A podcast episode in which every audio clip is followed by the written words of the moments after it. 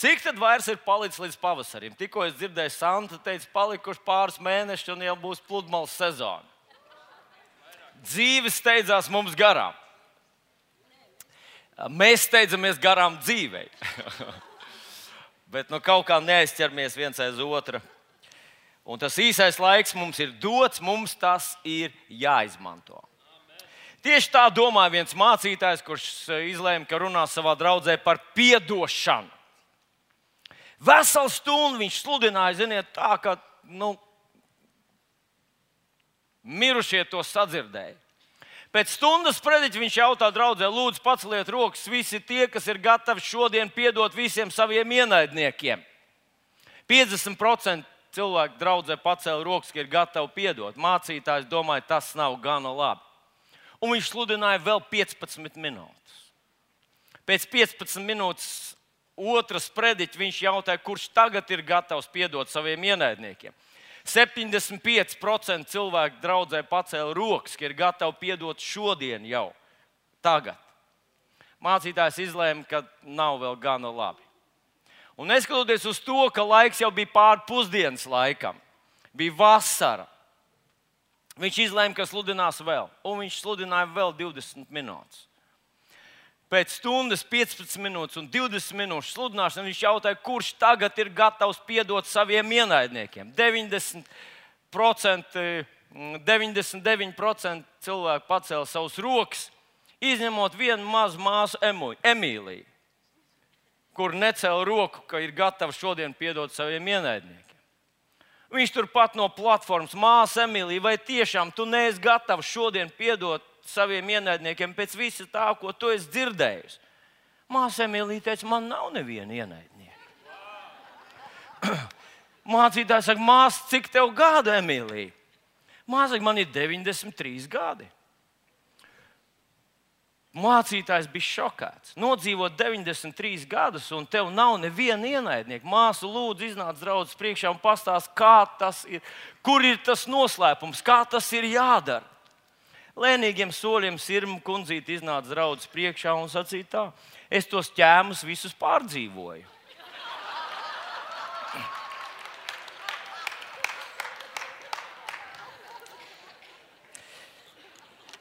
Viņi bija vienkārši sagaidījuši, ka ienaidnieki nomirst, un tā tā situācija tika atrisināta.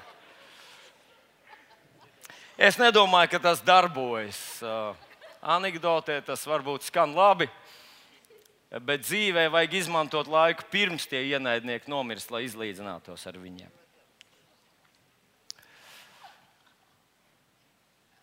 Ir kāds, kas cēl roku tur?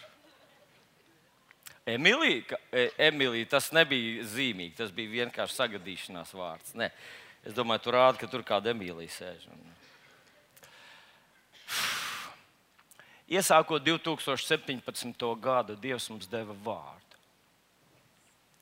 Un tas vārds ir no Iesai grāmatas 60. nodaļas. Es nevaru atcerēties, vai mums vēl kādreiz ir bijis mūsu draudzes vēsturē tā, ka Dievs iedod konkrētu vārdu gadam. Katru gadu ir bijis. Nu, es to ļoti spilgti šajā gadā saņēmu un izjūtu. Un tas, es gribu izlasīt šo raksturvietiņu, un es gribētu, lai tu saproti, ka Dieva vārds, tas ir tā ir lielākā dāvana, kādu mēs ar tevi vispār varējām iegūt gada nu, apdāvināšanās laikā. Un es izlasīšu to raksturvietu. Tad, ja es eju grāmatā 60, 60. nodaļa no 1 līdz 5 pantam, celies, topi apgaismota, jo tava gaisma nāk, un tā kunga godība uzlec pār tevi. Tik tiešām tumsība apklāja zemi un dziļa krēsla tautas, bet pār tevi uzlec kā saule tas kungs, un viņa godība parādās pār tevi. Tautas staigās tavā gaismā, un ķēniņš tai spožumā, kas uzlēcis pār tevi. Pacel savas acis un skaties, visapkārt tie visi ir sapulcējušies, nāk pie tevis. Tavi dēli nāk no tālienes, un tavas meitas uz rokām atnestas. Kad tu to redzēsi, tad tu starosi priekā, un tavs sirds iedrebēsies un atvērsies, jo jūras bagātības virzīsies šurp pie tevis, un tautu manta ieplūdīs tevī. Nu, vispirms, kā es izjūtu šo raksturvietu un kā es saprotu, kādu viņa Dievs mums ir devis, ka šīs vārds ir dots katram no mums individuāli, mūsu dzīvē, mūsu situācijā, kurā esam. Celies, top apgaismota, apgaismots, jo tava gaisma nāk, tā kunga godība par tevi apkārt ir tums, bet tev, tavā dzīvē, es palīdzēšu, es esmu ar tevi, es tevi izvedīšu. Tur, kur varbūt līdz šim bija miris lauks, miris lauks, nepieejams, nepieejams virsotnes. Tagad tu vari tur nonākt, tu vari to iegūt. Es tev to dodu. Dāvids ļoti precīzi um, patīk, kā viņš paņēma to. Tas, ta, tas ir tas, nu, tas, tas, ja divos vārdos jāsaka, uz priekšu. Es, uh, es to ieraudzīju savā dvēselītē, es ieraudzīju to tādu, tādu uh, kā saimnieks saka, savam labi barotam, labi attīstītam, labi uh, izaugušam sunim, saka, fas! Un jūs atcerieties, mums kādreiz bija Dobermans, un tā bija viņa dzīves uh, patīkamākā pavēle, kur viņam, viņš nevarēja ciest, kad sēdi, nāc šurp, mierā, uh, aizveries. Bet, bet, kad viņam teica, fas! Ah! Likās, ka no astes gala līdz purnam uh, viņš nodarbēja labsajūtā. Un tas bija tas, ko viņš gaidījis. Bija stundām un dienām ilgi, kad var kādam dzīties pakaļ. Un, Un tad viņu sasaukt vairs nebija iespējams. Viņam aizkrita visa šķirne, cik viņam bija. Un viņš redzēja tikai vienu, viņš redzēja mērķi. Un es saprotu, ka kaut kas tāds, kaut ko tādu vajadzētu izjust Dievu bērniem, ka tas kungs saka, celies un paņem to zemi, es tev viņu atdodu. Un mēs zinām no pieredzes, no, no vēstures, ka bija divi vīri, kas tā sajūtās. Bija Jozo un Kalps, viens jaunietis, otrs jau stipri gados. Viņi abi teica, ejam, paņemsim, viņi būs mums kā maizes kumos. Maizes kumos ir, ir grūtības. Grūtības mūs padara stiprākus. Vieglas dienas mūs padara vājākus, labas, vieglas dienas, ērti apstākļi, labs ēdiens, siltas mājvietas mūs padara tādus nu, nu, trauslus un ievainojamus. Bet grūtības mūs padara stiprākus, tās mūs norūda, tās mūs saliedē, tās mūs padara par tādiem neatlaidīgiem. Un es gribu tev teikt, ja Dievs tevi mīl un Viņš mīl tevi, tad viņš pielaidīs vai atļaus tev savā dzīvē sastapties ar grūtībām. Un Jānis teica, ka tad, kad tu sastopies ar grūtībām, ko viņš teica, ko dari? Ko tad? Priecājies! Priecājieties, kad jūs nonākat dažādos pārbaudījumos, jo izgājuši tam cauri, jūs būsiet citi cilvēki. Es dzirdēju trīs āmeni no priekša, vairāk vispār. Ko? Mēs negribam, ak, Dievs, mēs nākam no Padomu Savienības. Vai nebija jautri stāvēt rindā pēc desas, pēc sviesta? Es atceros, māmiņa zvanīja, nu, toreiz nebija mobilo telefonu. Viņa aizgāja līdz aparātam, aizņem rindu, centrāla universāla veikalā dos sviestu. Brauciet visi šurp! Un mēs visi skrējām, tad pirkām katram devu. Es neatceros vairs kādas piecas paciņas, laikam, devu. Mēs katru divas Nu, es neatceros, mēs dabūjām visu, cik varēja dabūt. Un mūsu mājā bija sviests. Halleluja! Tas mūs padarīja stiprākus, izturīgākus. Mēs zinām, var dzīvot bez sviesta. Mēs zinām, ka var dzīvot ar vienu vienīgu desu. Atcerieties tos laikus! Mājās ir desa, ko vēl vajag? Maize desa, un ja vēl sviests ir, mēs dzīvojam kā amerikāņi. Bija tāds jau, jauks laiks, mēs bijām priecīgi. Mēs bijām apmierināti. Slavu Jēzum! Grūtības mūs padara stiprākus. Bet, protams, mēs visi cenšamies no viņām izvairīties. Bet, mīļie draugi, es gribu pateikt, ka mēs nevaram īsti piecelties, jo te nav doma piecelties savā spēkā. Te nav doma sasprindzīt savu muskuli. Te nav doma, nu, taču saņemies, nu, taču kas tev, kas tev, kas tev kauns nav, cilvēks augšā. Nu, kā tur riebīgi izskaties? Nu, nu, nu paskatieties. Tas tīri fiziski izskatās patīkami. Saka, slavu Jēzum, tas kungs man palīdzēs. Aleluja, mēs uzvarēsim. Tas ir smukāk nekā mums neizdosies. Nē, es nevaru. Pareizi. Halleluja! Tu esi Dieva bērns, jauns radījums. Uzcīni to cīņu. Mēs gribam tādus redzēt savus bērnus, kad viņi dodas uz bērnu dārza grupiņu. Ej, pasaki tur tam Fēģam, vai Jānim, vai Kārlim, ka tā ir tava lelīte un viņš neiztiek. Un mēs gribam redzēt, ka mūsu mazais būs, jā, es aiziešu pateikšu. Bet, kad tu viņu aizved uz bērnu dārzu,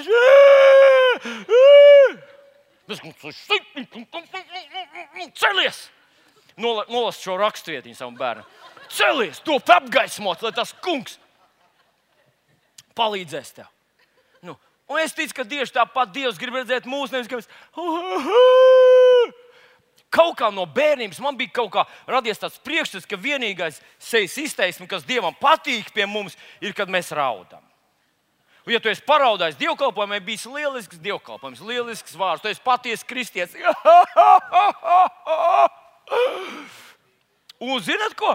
Ar gadiem tu tā pie, iemācies raudāt, ka tu raudi un nezini par ko raudi. Tu vienkārši raudi, jo tu esi Dieva priekšā, tu raudi. Ja. Nu, Ko tad es vēl citu varu darīt? Celies, tas kungs saka. Celies, neraudi! bet es taču nevaru neko bez tevis. Nu, bet tu jau neesi bez maniem. Es esmu ar tevi. Tāpēc celies, ka es esmu ar tevi. Un es, zinat ko? Es arī šādi raudu Dievu priekšā. Bet es, es E, e, es esmu sev pateicis, vilnēs uzmanīgs ar to raudāšanu. Pie tās var pierast. Jā, nevajag raudāt.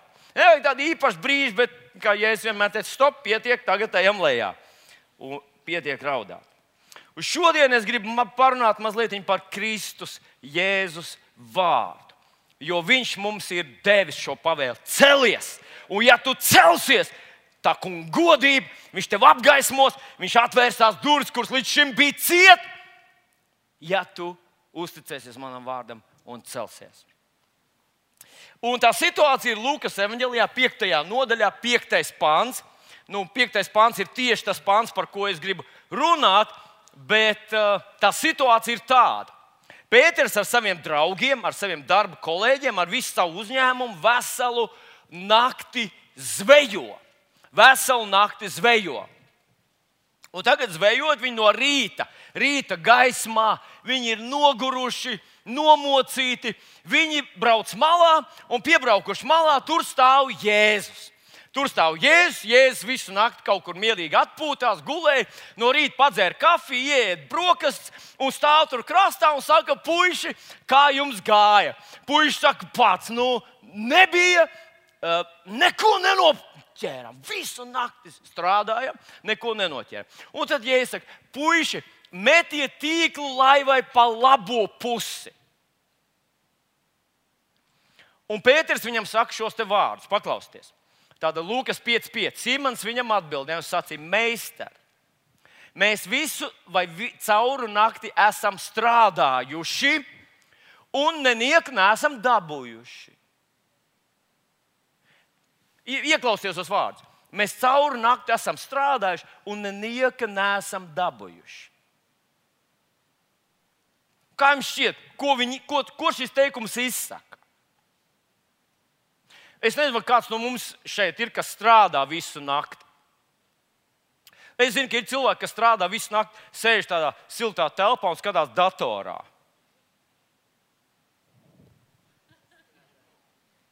Un no rīta viņi ir noguruši.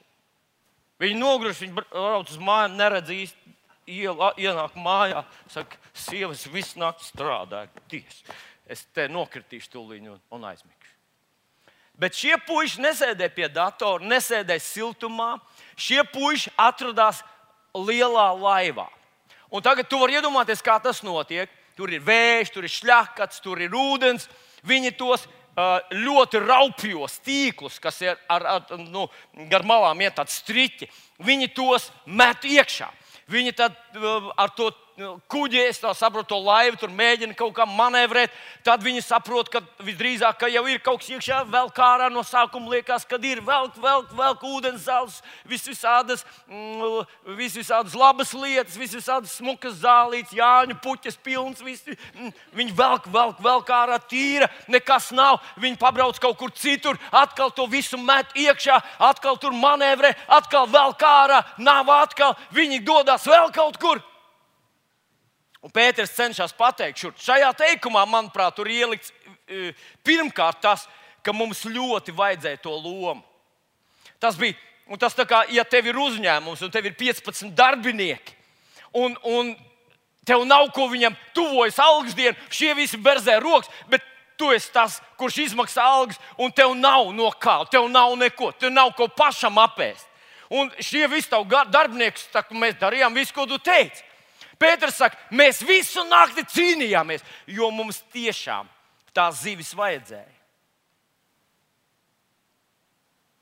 Veči ir noguruši, veči ir nomocījušies, viņi ir nikni. Jēzu, vai tu saproti, ko tu, ko tu piedāvā mums tagad? Mēs visu nakti nostrādājamies melnām mutēm. Mēs esam tā noguruši. Un tu tad gribi, lai es viņiem pasaku, puiši, izmetīsim, bet uz otru pusi. Un dienas laikā, dienā, kad zivis redz tīklu, nav jēga, ziniet, skriet putnam pakaļ ar, ar, ar, ar tauriņu ķermu. Nav, nav jēga pelēt, skriet pakaļ ar, ar lamatām. Viņa neies tur iekšā. Un tas ir tas, ko Pēters viņam cenšas pateikt. Mēs visu nakti, kad ir normāls laiks, makšķerēt, zvejot, mēs zvejojām. Mēs esam tā nocīnījušies, mēs visi esam nikni. Tu zini, kas notiks, ja es viņiem teikšu, tagad metīsim vēl vienreiz. Viņi man nogalinās. Nu, pēdiņās. Es ļoti labi zinu, kā tie vīri jutās. Es saprotu, ka, ka uh, sievietēm varbūt ir grūtāk to stādīties priekšā, kas tas ir. Visu nakti zvejot, e, e, un tad uh, teikt, vēl vienreiz metiet. Iedomājieties, Iedomājieties, dāmas, ka jūs visu nakti dzemdējat. Jūs visu nakti dzemdējat no rīta, tagad jums saka, ziniet, ko vajadzēs vēl vienreiz. Vai jūs teicat, ah, nu labi, nu labi. Laikam jau tā nebūtu. Un tas ir kaut kas tāds, ko Pēters te saka, Jēzu, paklausies, mēs visu nakti smagi rūkājām. Vai tu gribi, lai es viņiem pasaku? Lai mēs to darām vēlreiz. Un tad viņš saka viņam, bet uz tavu vārdu es gribu tīklu, tīklus izmest. Un tagad, ja viņš runāja ar Jēzu tā, uz tavu vārdu, kungs, tad viņš pagriežas pret saviem večiem un saka tā, garais, davai pie burām klāt. Tu Avans saņēma, ja? tagad vairs nevar pakustēties. Nu, kad vai uh, tīri tīkls no, no Jāņa zālēm ārā, un tu kaulēnā pakaļ uz priekšu pie airiem. Davai, kustēties! Visi tā kā visi atpakaļ būs pie darba. P Pēters, es, es citēju vienkārši jums. Piedodiet. Nu, jūs saprotat, viņam vajadzēja piedabūt, lai tie, viņš tas es izmetīšu, bet viņam vajadzēja piedabūt, lai tie veči, jo viens pats viņš to izdarīt nevarēja un tad viņi iebrauc. Un mēs visi zinām to stāstu. Bet tas vārds, paklausieties, tie vārdi, kurus viņš izteica, uz tavu vārdu, uz tavu vārdu es izmetīšu. Bija kaut kas, ko Pēters zināja par Jēzu, kas mums varbūt ar tevi ir drusku uh, zudis. Jo atcerieties, kādā citā reizē vētrā viņš sēž laivā, un visi domā, ka tā laiva tūlīt, tūlīt noslīgs. Un tad Jēzus tur, vētrā un viļņos, kad visi domā, ar mums ir cauri, viņš saka, tu pasaki, lai es kāpju ārā. Un Jēzus pasaka, kāp. Un viņš uz tavu vārdu, es kāpju ārā. Viņš varēja noslīgt ar laivu, bet uz Jēzus vārdu viņš zināja, ka viņš nenoslīgs bez laivas, izkāps ārā ūdenī pa taisno. bija kaut kas, ko Pēters zināja par Jēzus vārdu, ko mēs ar tevi nezinām, vai ko mums vajag atgādināt sev ik pa laikam, lai mēs zinātu, kāda autoritāte, kāds spēks, kas stāv aiz Jēzus vārdiem. Un es šodien gribētu tā žigli izskriet cauri tām lietām un mēģināt e, ierosināt tevi, domāt, ieraudzīt to un varbūt novērtēt, no sirds novērtēt to, ka Dievs tev un man ir devis vārdu celies, un es tev apgaismošu, celies, vēlreiz celies, un tu redzēsi Dieva godību savā dzīvē. Tā vispirms, uh, Jēzus ir tas pats. Jēzus ir tas pats vakar, šodien un mūžīgi. Ebreju vēstulīte 13. nodaļa, 8. pāns. Tātad viņi, viņš nav mainījies. Un tagad paklausieties. Es nosaukšu rakstvietiņu, jūs varbūt nepaspēsiet viņu uzšķirt, bet jūs varat viņu dzirdēt, jūs varat, varat pierakstīt tos nosaukumus un mājās pēc tam par to padomāt. Jāņem evanģēlijas 1. nodaļa, 18. pāns. Jāņem evanģēlijas 1. nodaļa, 18. pāns. Dievu neviens nekad nav redzējis. Neviens nekad nav redzējis Dievu. Vienbiedzimušais dēls, kas ir pie tēva krūts, tas mums viņu ir darījis zinām. Neviens nekad. Vienpiedzimušais dēls ir tas, kurš mums viņu atklājis. Vai to, ko mēs zinām par Dievu tēvu, mēs zinām to raugoties uz kungu Jēzu Kristu. Nu, paklausieties vēl. Jāņem evanģelijas 8. nodaļa, 56. un 57. pāns. Jēzus runā ar farizējiem, viņam ir tur konflikts ar viņiem, un tad viņš saka viņiem tādus vārdus. Jāņem 8, 56. Jūsu tēvs Abrahams kļuva līksms, noprastams, ka redzēs manu dienu. Un viņš to redzēja un priecājās par to. Vienmēr agrāk, kad es lasīju šo pāntu, es tā pie sevis domāju, ka acīm redzot, vienā dienā Abrahams bija iemidzis, un Dievs sapnī viņam parādīja to Jēzus dienu. Bet tie cilvēki, kas stāvēja tur apkārt viņam, tie farizēji, kas saprata lieliski viņa aramiešu senēbrē valodu, kādā viņš teica, viņi nodomāja, ka viņš saka pavisam citus vārdus. Ko tad viņi domāja, ko viņš saka? Rekur 57. pantā jūda viņam sacīja, tev vēl nav 50 gadu, un tu būtu redzējis Abrahāmu. Viņiem izklausījās, ka Jēzus saka, un esmu pārliecināts, ka Jēzus patiešām to saka, ka es biju tas, kurš runāja ar Abrahāmu. Es biju tas, kurš runāja ar Abrahāmu.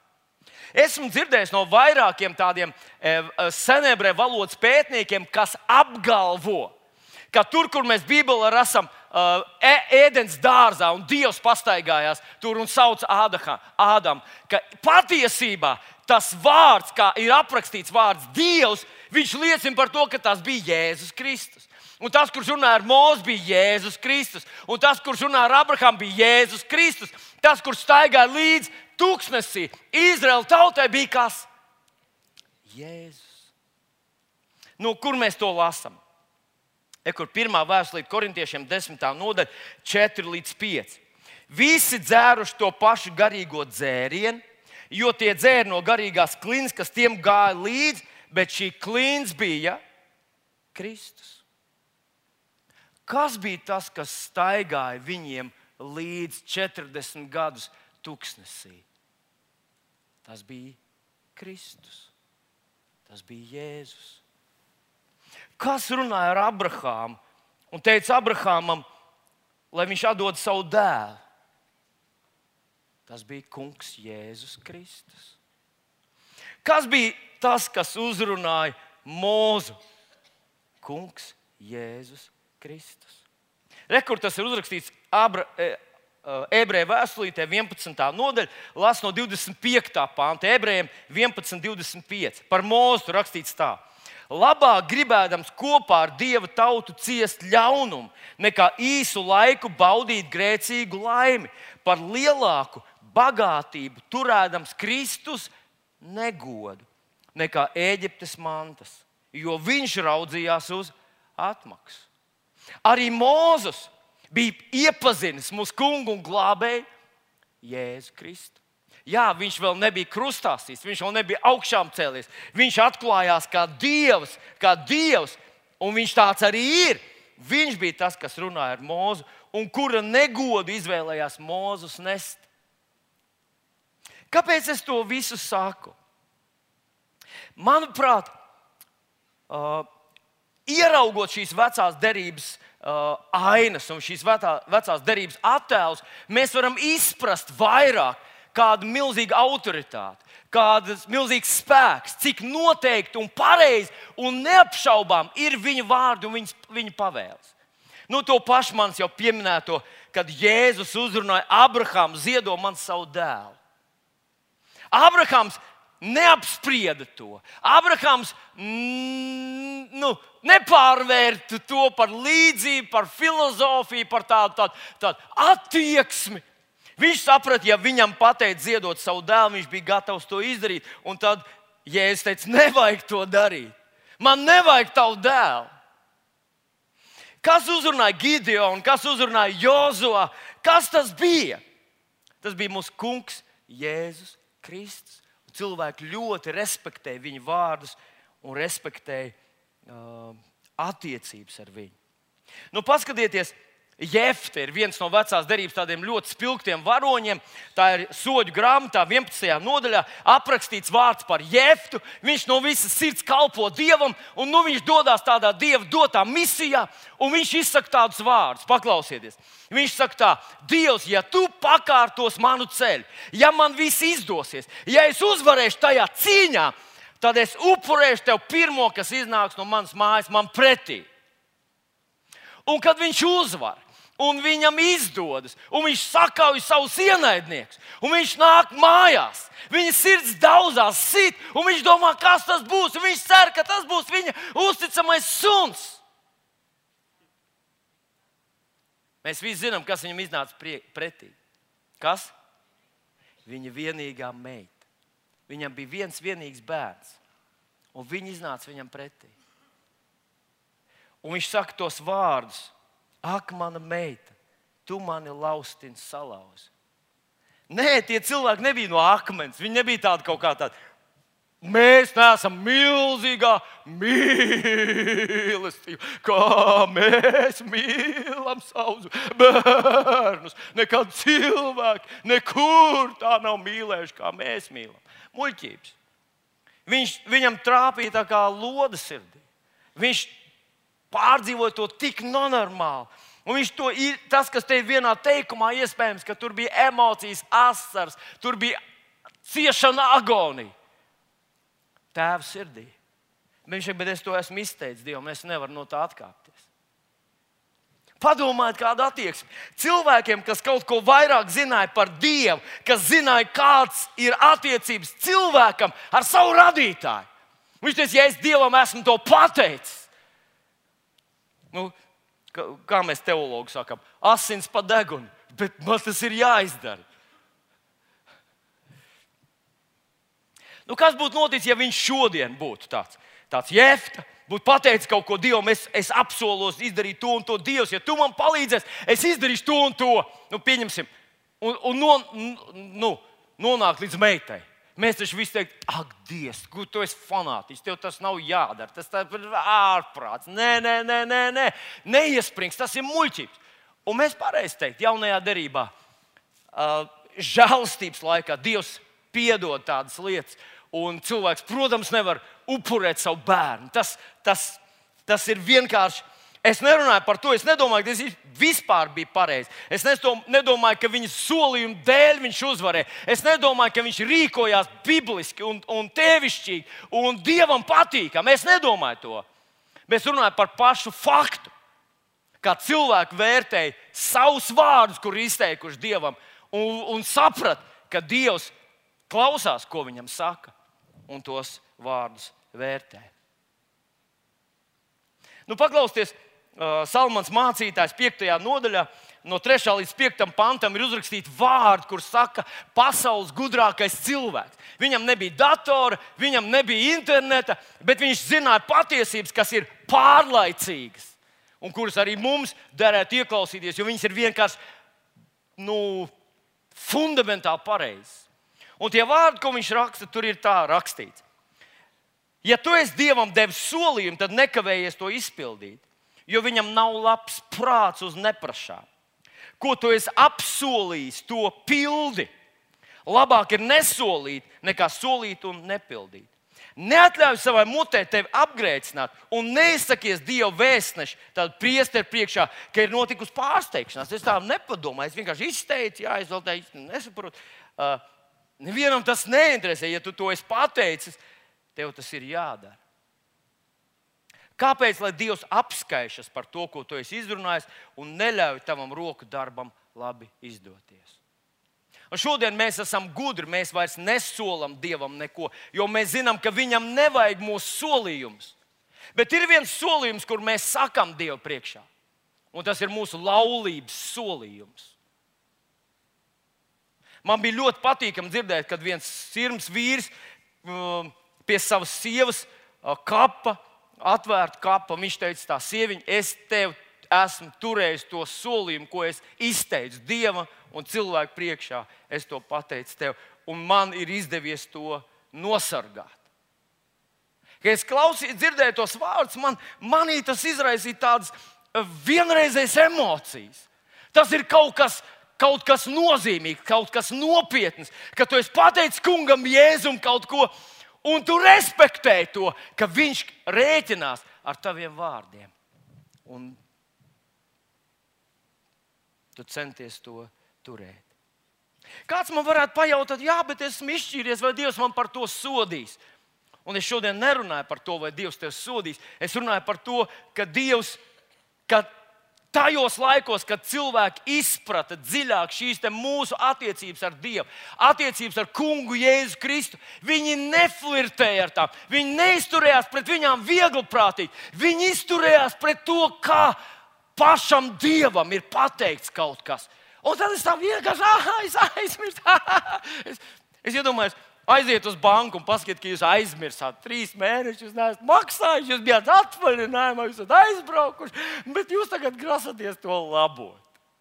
Neviens nesmiesies par jūsu jokiem, tur pareizi.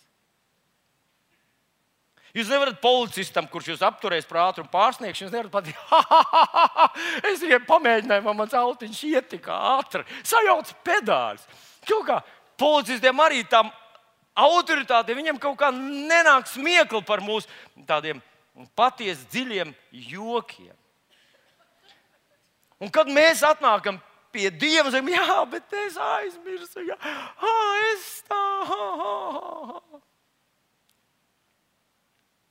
Ko es ar to gribu teikt? Es negribu uzkraut tev vainas apziņu, es negribu tevi radīt tādu attieksmi, ak, Dievs, ak, Dievs. Ne, tieši tādu es gribu tevi radīt. Ak, Dievs! Tas ir nopietni.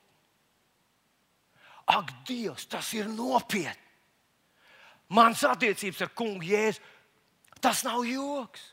Tas nav Ziemassvētku vecīts, kurš tev zagaru bunti iedos, ja tu nebūsi izpildījis. Skaties, man ir, ka tev ir žagariņa. Pūpoliem tev pēršu. Tas ir kaut kas tik nopietns, tik majestātisks, tik bezgalīgi cienījams, tik autoritātes un godības pilns, ka viņš saka, jūsu vārdu, lai jā, ir jā, lai jā, ir jā. Iedomājieties, tu kaut kur runā ar cilvēkiem, un kā labi audzināts cilvēks, tu saki, jā, jā, jā, jā, jā vai kur prieks jūs redzēt. Nu, Un tad aiz muguras uzsaka, vai tienīs knapi izturēt to īso sarunu. Tas ir jā, kurš ir nē īstenībā, pareizi. Bet viņam, nu, nu, protams, ka viņš zina mūsu. Bet tas nav tas, nu, kā viņš saprot. Kad viņš saka jā, tad ir jā. Kad viņš saka, ka viņš ir piedevis visus tavus grēkus kad viņš saka, ka viņš paņēma visu tavu sodu. Kad viņš saka, ka viņš mīl tevi ar bezgalīgu mīlestību. Tas ir jā, kurš nekad nepārvēršas par kaut ko citu. Tas ir jā. Bet kad viņš saka, ka kaut kas, ko darīt, ir nepareizi, ja viņš saka, ka grēku darīt, tas tev pazudinās, tad tas nav nē, kurš īstenībā dažos gadījumos var pārvērsties par jā. Tas nozīmē, ka nē ir nē. Un nekad nebūs savādāk.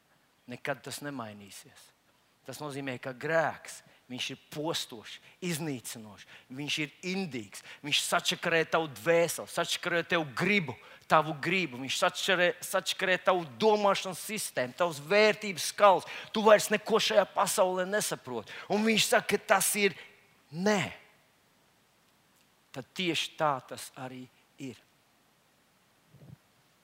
Un pēdējo rakstvietiņu, kur gribu atgādināt, jums ir ebreju vēstulī 12. nodaļa, kur ir aprakstīta šī situācija starp vecās derības atklāsmi, kur Jēzus atklājās mums nu, tā emocionāli, spilgti, ar uguņošanu, ar, ar zemestrīcēm, kur viņš atklājās tāds, ka, ka kādā instancē. Uh, Izraela tauta saka, mēs, lai viņš nerunā, mēs nespējam uzklausīt. Tā balss ir tāda, ka mēs no tās nomirsim. Kāda varenība tajā ir? Jaunajā darbā viņš atklājas savādāk, bet vēstulītes autors mums saka, bet jūs saprotat, ka tas tikai nozīmē, ka mums vēl vairāk ir viņš jārespektē. Nu, rekord tas ir ebreju vēstulī 12. nodaļa, no 18. panta es lasu. Jo jūs neesat pienākuši pie kalna, kas rokām taustāms, pie degošas uguns un mākoņu tumsas un vētras, pie bazūnas skaņas un vārda balss, par ko tie, kas dzirdējuši, ir lūguši, lai viņiem nekas vairs netiktu teikts. Jo tie nevarēja panest to, kas bija pavēlēts, ja arī kustonis pieskaras kalnam, tas akmeņiem jānomētā.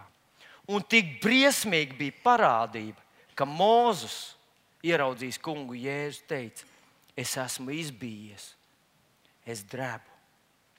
Bet jūs esat tuvojušies Ciānas kalnam, dzīvā Dieva pilsētai debesu Jeruzalemē, eņģeļu neskaitāmiem pulkiem, svētku sapulcei un debesīs pierakstīto pirmdzimto draudzēji un dievam visu tiesnesim. Un pilnībā sasniegušo taisno gariem, un jaunās derības starpniekam, Jēzum un izlietojām asinīm, kas spēcīgāk runā nekā Ābela asins. Ieklausies, pielūkojiet, ka jūs nenoraidāt to, kas runā. Jo, ja tie nav izbēguši, kuri atmeta to, kas zemes virsū dieva mācību mācīs, jo, vaz, jo mazāk mēs, ja novēršamies no tā, kas ir no debesīm. Viņa balss toreiz satricināja zemi, bet tagad viņš pasludināja sacīdams: Vēl vienreiz es kustināšu ne tikai zemi, bet arī debesis bet vārdi vēl vienreiz norāda uz satricināmā pārvēršanu. Tāpēc, ka tas ir radīts, lai paliktu, tas ir radīts, lai paliktu nesatricināmais. Tāpēc, saņemot nesatricināmu valstību, būsim pateicīgi. Tā mēs Dievam patīkam kalposim ar bijību un bailēm. Jo arī mūsu Dievs ir uguns kas iznīcina.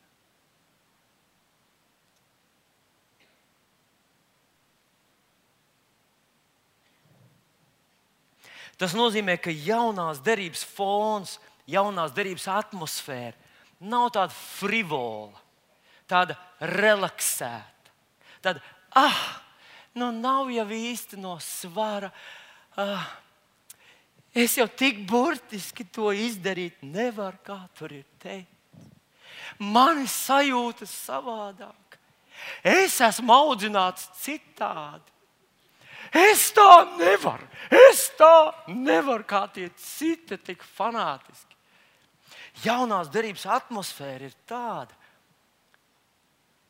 ka mums ir jāierauga to majestāti, to cieņu, to vienreizīgo dievišķīgumu, kas nonācis pie mums pašiem, un mums jāizturas pret to ar tādu respektu, cieņu un pareizu attieksmi, saprotot, ka lai gan Dievam ir lieliski humora izjūta, mēs ar viņu jokot nevaram.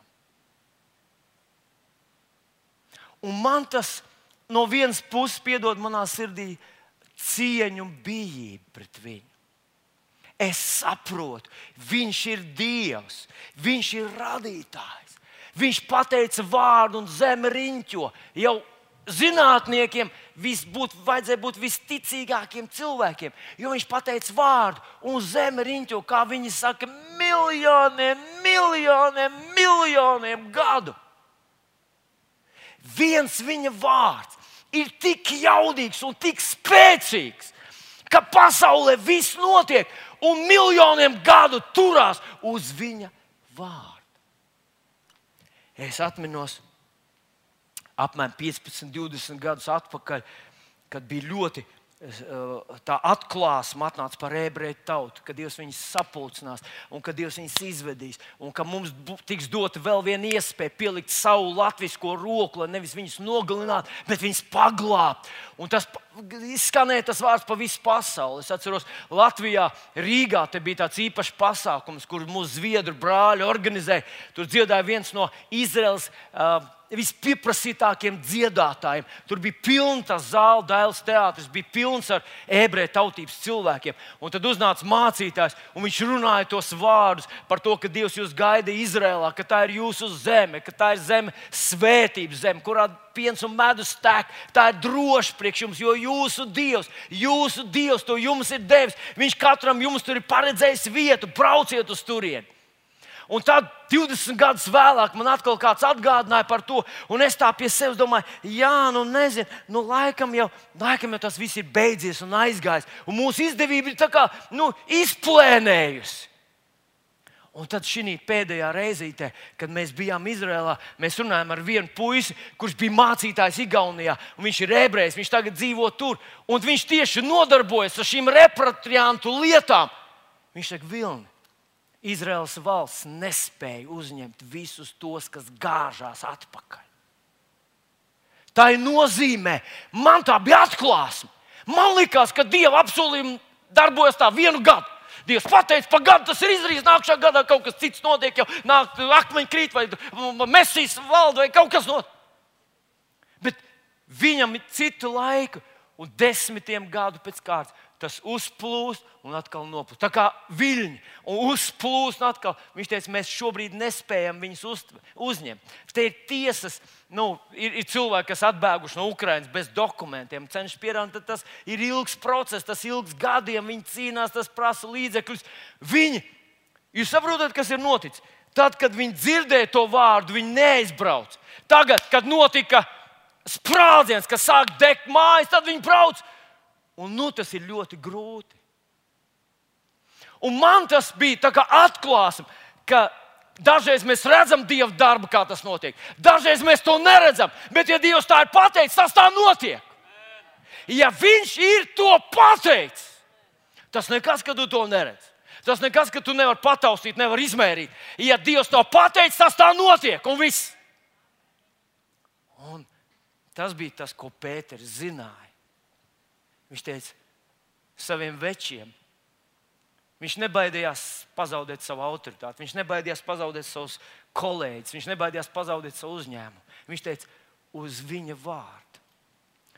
Uz viņa vārdu, veči, nu, davai, ceļās, davai izdarām to. Mums tik ļoti to vajag, mēs nevaram bez tā iztikt. Viņš mums dod iespēju. Tas ir viņa brīnums mūsu ar tevi dzīvē. Nu, kaulēnēs, vēl stūties savu pakaļ augšā, ej pie burām, mums, mēs to izdarīsim. Un zinat ko? Tieši tāpat šajā gadā viņš mums iedeva šo vārdu - celies. Un es esmu tas Pēters, man jāsaka, ej, jūs! Ej, jūs tur! Ko? Ko pieraduši ierakumos dzīvot? Pieraduši, sam, pieraduši samierināties, pieraduši ar sakām, jums ir gana! Dievs mums dod iespēju. Viņš saka, paņem manu vārdu. Un tad tur ir viens, viens fantastisks noslēpums, kur es tā uzreiz nesapratu. Jo Pēters viņam saka, Kungs, visu nakti mēs strādājam. Un kādā vietiņā, Jāņa Evanģelijā, 9. nodaļā, 4. pantā, Jēzus saka tāds vārds: Man nākas strādāt tā darbs, kas man ir sūtījis, kamēr ir diena. Un tad viņš saka, nāk nakts, kad neviens nevar strādāt. Un jā, Pēters saka, mēs visu nakti rukājām, un nekas nenotika. Iespējams, viņi lūdza tur, kad jau tuvojās saulēks. Viņš tur izteica visas savas iemācītās lūkšanas. Visu, ko viņš bija no rabīniem dzirdējis, viņš tur teica, un svētīja ūdeņu, svētīja tīklus, svētīja kaulēno. To svētīja visus tur, lai taču mums izdodas. Un nekas. Un te atnāk Jēzus un saka, puiši, uz manu vārdu izdariet to vēlreiz.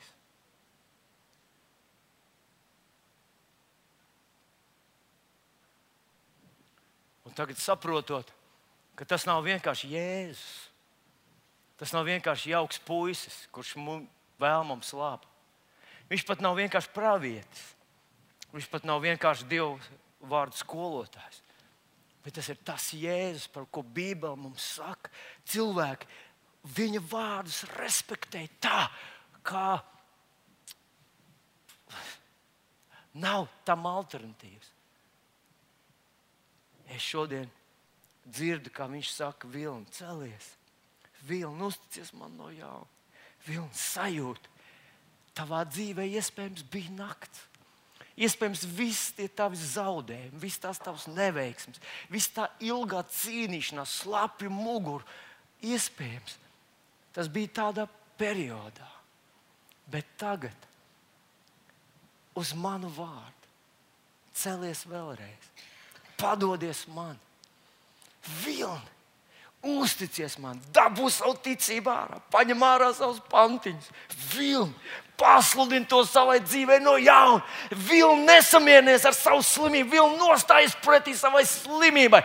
Pasaki viņai, ka nē, tu nepadosies, tu metīsi vēlreiz tīklus. Es vēl vienreiz metīšu tīklus uz viņa vārdu. Tu sēdi savā laivā, protams. Un man tas jautājums ir, tu kustinās savu kaulēnu pakaļ un, un celsies augšā no miega. Vai tu pateiksi viņam, kungs, tu esi mans kungs, un man nav alternatīvas.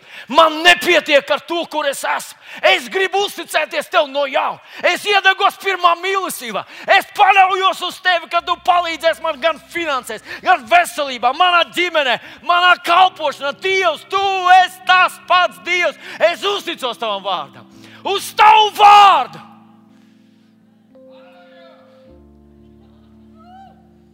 Uz tavu vārdu es kāpu ārā no savas laivas. Uz tavu vārdu šī drošā vietiņa, kurā esmu tik omulīgi saritinājies, man ir pa šauru. Es uzticos tev, Jēzum Kristum. Halleluja! Jūs zināt, ko es gribētu izdarīt? Es šodien gribētu, es gribētu pieskarties tiem cilvēkiem, aizlūgt. Es lūdzu, lai kalpotāji man palīdz tiem cilvēkiem, kas sap, sajūta, sadzird, ka tas ir uz viņiem. Varbūt visu nakti to esi rukājis. Un tev vienīgais, kas ir sāpošs mugurā un tukšs caur slapjas kabatas, ir no tā visa. Bet tu saki, Dievs, es sadzirdēju tos tavus vārdus. Man to tā vajadzēja, jo bez tevis man patiesībā nav rītdienas. Un es šodien pieņemu to tavu vārdu. Es pieņemu to kā izaicinājumu. Es ceļos, es atgriežos pie tavu vārdu uzticamiem pamatiem. Es teikšu, ka Pēters uz tavu vārdu es to darīšu vēl vienu reizi. Ja tas ir tavā sirdī, tu pēc mirklīša vari iznākt priekšā un mēs aizlūgsim par tevi. Bet, draugs, piecelsimies kājās. Halleluja! Ak, kungs! Es pateicos par šo jauno laiku.